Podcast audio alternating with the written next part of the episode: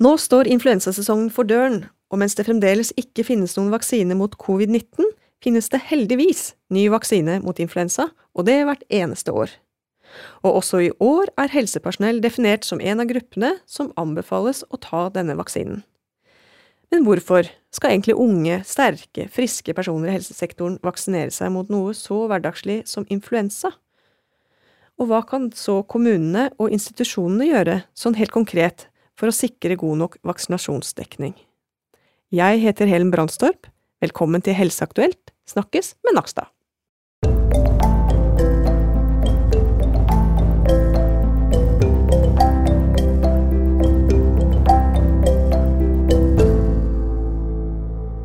Den observante lytteren merket kanskje at Espen Nakstad ikke introduserte seg slik han pleier. Det er fordi han ikke er her i dag. Han måtte nemlig plutselig i et møte med departementet akkurat nå. Men jeg er ikke alene av den grunn. Vi er så heldige at vi har med oss to gjester i studio i dag. Siri Seterelv er etatsoverlege ved sykehjemsetaten i Oslo kommune, og Irene Gynhild Ponton er institusjonssjef ved Solfjellhøgda helsehus Velkommen til dere. Takk. Takk, takk. Og dere er her for å snakke om deres arbeid med å øke vaksinasjonsgraden av helsepersonell. For den er jo ikke høy nok her til lands, men dere har erfaringer med å få den opp. Men før vi går til dette her med influensavaksine, så er det jo sånn at vi er midt i en pandemi. Og der, Siri, så har jo vi tidligere også snakket om dilemmaene man står i som eh, ja, du er etatsleder for sykehjem, eh, rundt dette med besøk, eh, rundt eh, personellets iver og ønske om å beskytte sine beboere. Kan ikke du si litt om liksom, refleksjoner du har gjort deg, for det, det har du stått midt oppi? Ja, jeg syns jo pandemien har vært en Det har vært mye interessante øvelser i å tenke på refleksjoner over ting vi ikke har tenkt så mye rundt før. Eh, dette med besøk eh, på sykehjem er jo et tiltak som eh, Det ble besøksstans på alle sykehjemmene i mars, og det varte til begynnelsen av juni hvor vi åpnet opp igjen. Og umiddelbart så er det jo et tiltak som beskytter godt.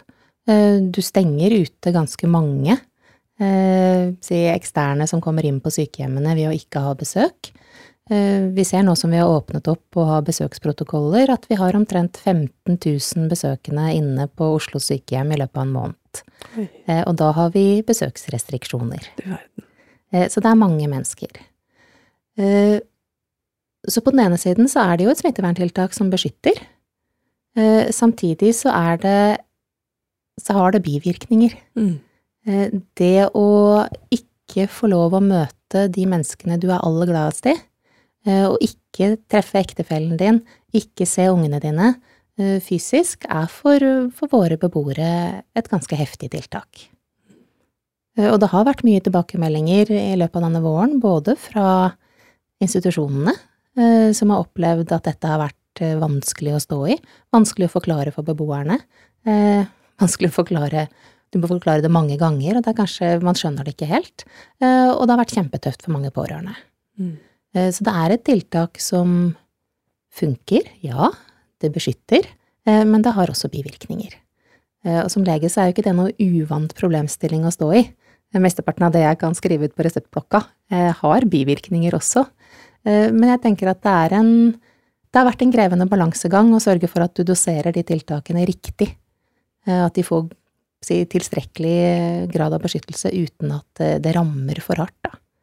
Og det er klart, for langtidsbeboerne våre så, eh, så er sykehjem eller langtidshjemmet det siste hjemmet deres. Eh, og de lever i gjennomsnitt hos oss 1,9 eh, år fra de kommer inn. Og vi skal stå i denne pandemien en god stund.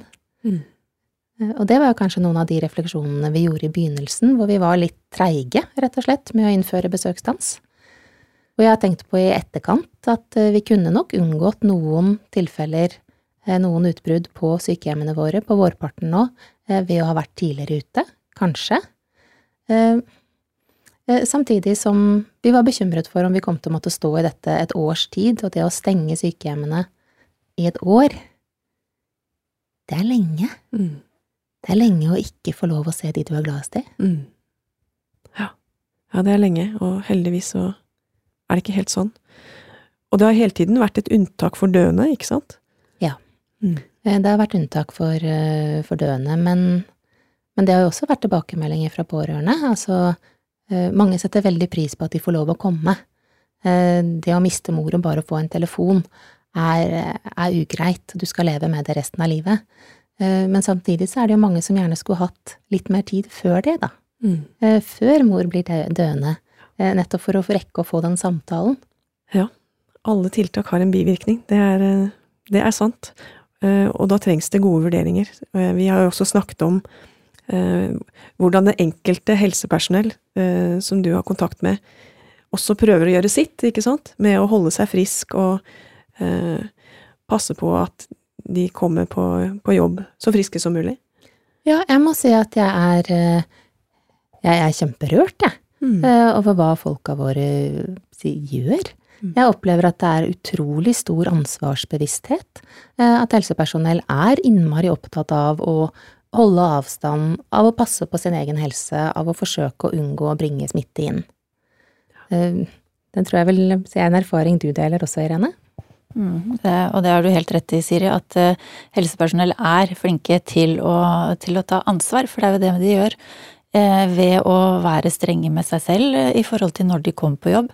Man er jo vant til å stille på jobb så å si uansett hvordan man nesten føler seg, mens nå er det usikkerhet, mye telefoner til ledere.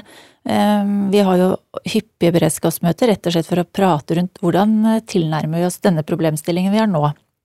Og eh, nesten daglig samtale med lederne for å, for å, vurdere skal de komme på jobb, skal de teste seg, hvor fort skal vi teste de, nettopp for å gjøre de, altså denne omsorgen for pasientene våre. Det er jo det det handler om.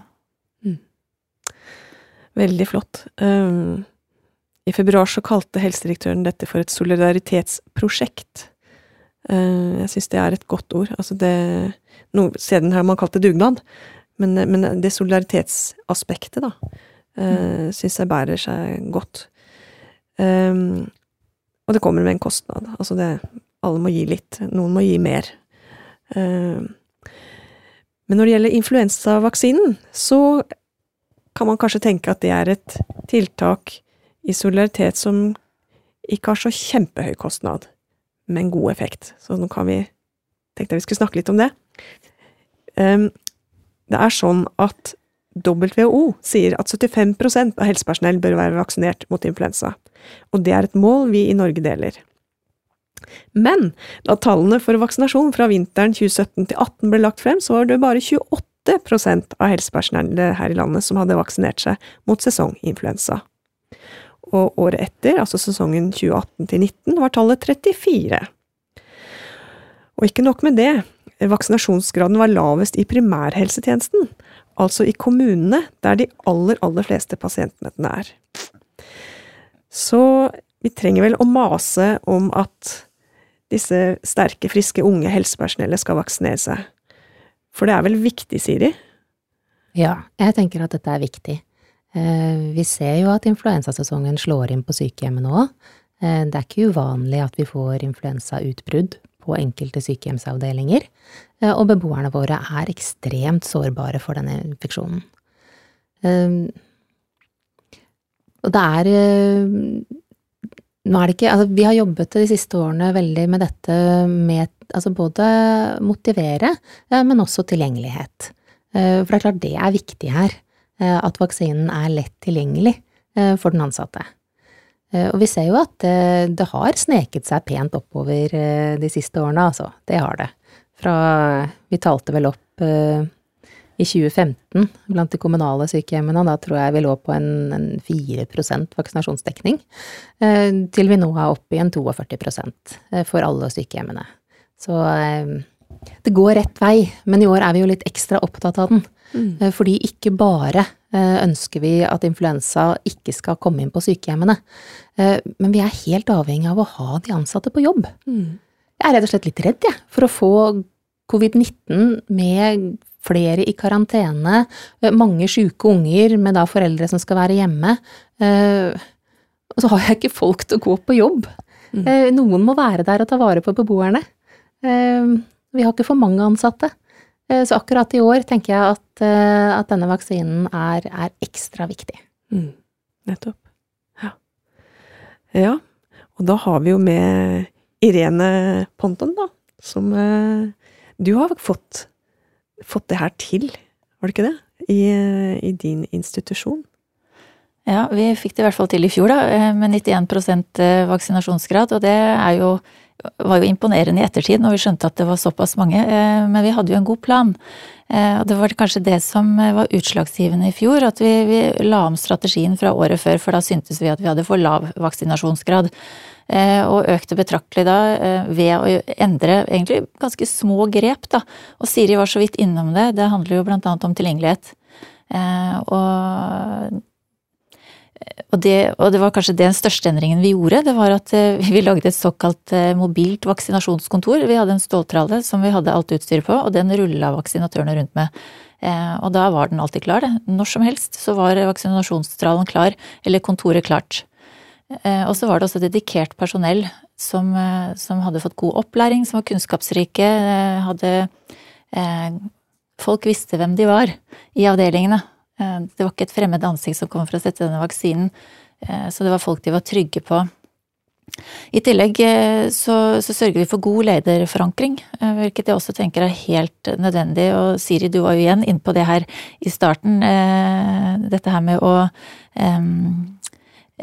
Altså det er jo folkene der ute som, som, som, setter vaksinen, og som tar imot vaksinen. Så man må være til stede der det er, der det skjer.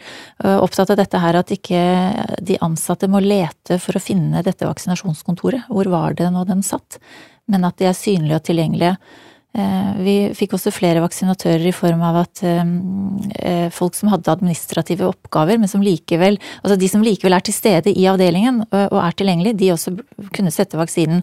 Og de var til stede hver eneste dag i, i, i ukedagene. Og dermed så hadde du alltid en på jobb hver eneste dag som kunne sette vaksinen når folk kom. Og det gjaldt også for de som var nattevakter, de kunne gå til den, eller vi hadde også avtalt tid for nattevaktene, for det er et personell det er vanskelig å få tak i. Eh, så der må man ha en, en, plan, og det hadde vi, for å si det sånn. Vi hadde en ganske stram handlingsplan i fjor, og det var nok det som eh, Altså, god planlegging. Man, hvis man skal lykkes med noe, så må man planlegge godt, og man må ha med de rette folka. Og det opplevde jeg at vi hadde. Men så er du jo inne på dette med prioritering igjen da, Irene. Mm. Eh, for det handler jo litt om det. Skal man få opp vaksinasjonsdekningen, så må både lederen synes det er viktig, og man må prioritere det. Eh, det er fort gjort å drukne litt i oppgaver, det er mye vi skal gjennom, det er mange hensyn, vi har allerede en full timeplan. Skal du ha opp vaksinasjonsdekningen, så må man være enige om at dette skal vi få til, eh, og vi prioriterer å gjøre det nå. Da er det faktisk noen andre oppgaver som kanskje ikke kan bli gjort akkurat disse ukene. Mm. Ja, interessant. Fikk du Var det du som prioriterte det? Det, ble satt på agendaen fordi at dette tar tid, og det må lederen erkjenne at det gjør. Og det, det, er det som ligger i lederforankringen, at man prioriterer tid til denne oppgaven også. Da er det noe annet som kanskje ikke kan gjøres, da. Sånn er det noen gang når man tillegger en oppgave. Og det er lederansvar, og det er lederne, særlig avdelingslederne, da, som kan si noe om eh, at for, for, den som skal få vaksine, må jo også nødvendigvis eh, få satt seg ned i minuttene da, og få dette stikket. Sånn at eh, her er forankring viktig, og prioritering helt vesentlig. Det kanskje koster litt penger, og da må man som leder være villig til å putte i den kostnaden. Og så vet man jo at eh, får man en høy vaksinasjonsdekning, så er dette god butikk. Rent økonomisk også. Man får mye lavere sykefravær, rett og slett. Eh, mye bedre kompetanse på jobb. Altså man får en bedre helhetlig drift gjennom hele vintersesongen. Så dette tenker jeg handler om motivasjon igjen, som jo også jeg tenker er en vesentlig faktor i dette bildet. Da. Motivasjon til å drive med vaksinering, og motivasjon til å ta vaksinen. Nettopp. Uh, var du med og motiverte selv? Jeg vet ikke om jeg var den beste motivatøren, jeg fikk i hvert fall vaksinen og tok bilder av det, og vi la ut sånne smilebilder, for det er jo noe med å gjøre dette litt morsomt, litt hyggelig og litt attraktivt. Det skal ikke være et, noe tvang, mm. for det har vi ikke noe god erfaring med. Det å si at du må vaksinere deg, for ellers så men heller den der gode vridningen som kom eh, veldig godt fram fra FHI i fjor, dette å beskytte de sårbare gruppene. Mm. Det var en god motivasjon, og det var det vi la strategien mot i fjor. Da. Eh, hvor viktig det var å ta ansvar for, for de sårbare eldre, for vår del. Da. Det er jo mange sårbare grupper i samfunnet. Så det var, en, det var motivasjonen vi, vi, brukte i fjor. Og så um, dette med kunnskap. Det å ha kunnskap tenker jeg er faktisk motivasjon til å ta vaksinen, for da har man også en forståelse for hvorfor det er viktig. Så vaksinatørene hos oss, de, er, de har god fagkunnskap.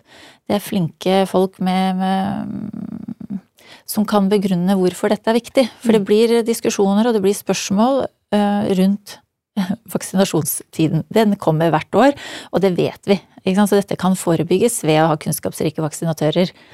Eh, så kunnskap motiverer til å ta vaksinen. Det er i hvert fall min erfaring. Kjempefint. Og jeg tenker på Siris poeng også med at alle tiltak har jo en bivirkning, potensielt. Vaksiner den er kanskje ukjent ofte, men det fins jo vaksinemotstand, altså grupperinger som legger stor vekt på bivirkningene kanskje mer enn virkningene. Mm. Heldigvis i, i, vårt land så er det den store majoriteten legger vekt på virkningene, altså beskyttelsen. Den kollektive beskyttelsen. Når jeg hører når du snakker, så får jeg en tanke rundt hvordan Hvis du skal få til en endring i en organisasjon eller institusjon eller et land, så må du skape en slags bevegelse. Så da bruker du triks som å legge ut bilder, som du sa, og, og, og, og hva skal man si, bruke positive virkemidler. At vi gjør dette sammen. Var det noe konkurranseelement òg? Den, Klart man, man, kjenner på den, ja. Det er kult å være best. Vi skal ikke se bort fra at uh, både mellom avdelinger og ikke minst mellom de ulike institusjonene, så er det et, uh, et element av vennskapelig konkurranse. Det var slik at det var to helsehus som oppnådde 91% vaksinasjonsdekning. Og når jeg skulle kåre vinneren, så måtte jeg altså fintelle på prosent, altså null komma for å finne vinneren. Har du navnet på nummer to òg, så kan vi si Lilleborg det. helsehus ja. var, pustet dere relativt tett i nakken. Jeg tror vi snakket om liksom fem-seks fem, eh, stykker som utgjorde forskjellen her, så ja, de har bannet på at de skal vinne i år. Nemlig. Dette blir spennende. Solfjellhøgda helsehus mot hva sa du? Lilleborg helsehus. Lilleborg, ja. ja. Det blir spennende. Men dere, før vi avslutter, um, dere har verdifull erfaring med tilbakemeldinger på dette. Så nå kan dere snakke til hele landet. Hva kan man på en måte forvente fra de helsepersonellet dette gjelder? Hva slags respons har dere fått? Hva slags tanker gjør de seg? Det som jeg kanskje har hørt hyppigst, og også gjennom mange år, er jo eh, dette at jeg trenger ikke å vaksinere meg, for jeg blir aldri syk. Det er en sånn klassiker. Mm. Og, og, også dette at uh, jeg ble syk når jeg tok vaksinen. Den er den andre hiten, tror jeg. Eh, og det å, så det å vektlegge nettopp at det er for pasientene man gjør dette her, er, er for det jeg opplevde som en slags nøkkel i fjor. Eh, det å eh, og det handler om kunnskap, tilbake til det. Det handler om at vaksinatørene er kunnskapsrike og kan snakke om, rundt dette som dukker opp. For det dukker opp mange myter om eh, hvorfor man ikke trenger å vaksinere seg. Hvorfor det ikke er viktig. Eh, og det å trekke fram de sårbare gruppene eh, opplevde vi da som viktig i det. Flott. Skulle du fylle ut, Siri? Hadde du noe du ville si? Nei, bare forsterke det litt. Eh, jeg oppfatter jo at for helsepersonell så er det det å hjelpe, og det er pasienten som står i fokus. Eh, så når du ser at, eller skjønner at det er det er ikke for meg, det er fordi jeg går på jobb til det er for beboerne, mm. Eh, så øker nok motivasjonen veldig. Mm. Eh, og så er det jo slik at uh, sesonginfluensavaksinen er uh, Den kjenner vi godt. Vi har mye erfaring med den, og vi har god oversikt over bivirkningene. Uh, så den føler jeg meg veldig trygg på at er en Å anbefale, det er en trygg vaksine. Mm. Flott. Jeg kan jo føye til en annen eh, som, som, eh, fun fact, nesten. Det er jo det at man er redd for å bli stukket. Og det er mye helsepersonell som er redd for å få det stikket. Eh, så det er ta med den i når vaksinatørene går ut, og ha en motivasjonsfaktor som gjør at de faktisk overkommer den derre skrekken for det stikket. Den er faktisk helt reell, så ikke glem den. Nettopp. Det er bare mennesker. Jepp. Mm. Eh, kjempefint. Eh, jeg tenker vi skal ta med oss eh, disse fantastiske resultatene, 91% inn i årets sesong. Poengene med å skape positiv motivasjon, at vaksinen kommer til deg, med kompetente folk, ledelsesforankret, for dette må prioriteres. Mm. Her er det mye å lære for hele landet, for dette gjelder jo hele landet. Jeg har lyst til å bare å legge til noen viktige eh, informasjoner her nå. Folkehelseinstituttet starter utsendingen av vaksiner denne uken, altså uke 40. Og innen uke 43 skal hele landet ha fått årets vaksiner. Men det nye i år, som alle må ta med seg, da, det er at det er kun risikogruppene og helsepersonell som får ta vaksine frem til 1. desember. Altså bare risikogruppene og helsepersonell fram til 1. desember. Og det er jo for å sikre at de som trenger det mest, får førsterett til å ta influensavaksinen. Vi er altså i solidaritetsprosjekt-tenkningen. Så med disse ord så sier jeg takk for at dere kom eh, og bidro her. Eh, og så tar vi tomlene opp 91% i hele landet. Kanskje ikke helt realistisk, men takk skal dere ha.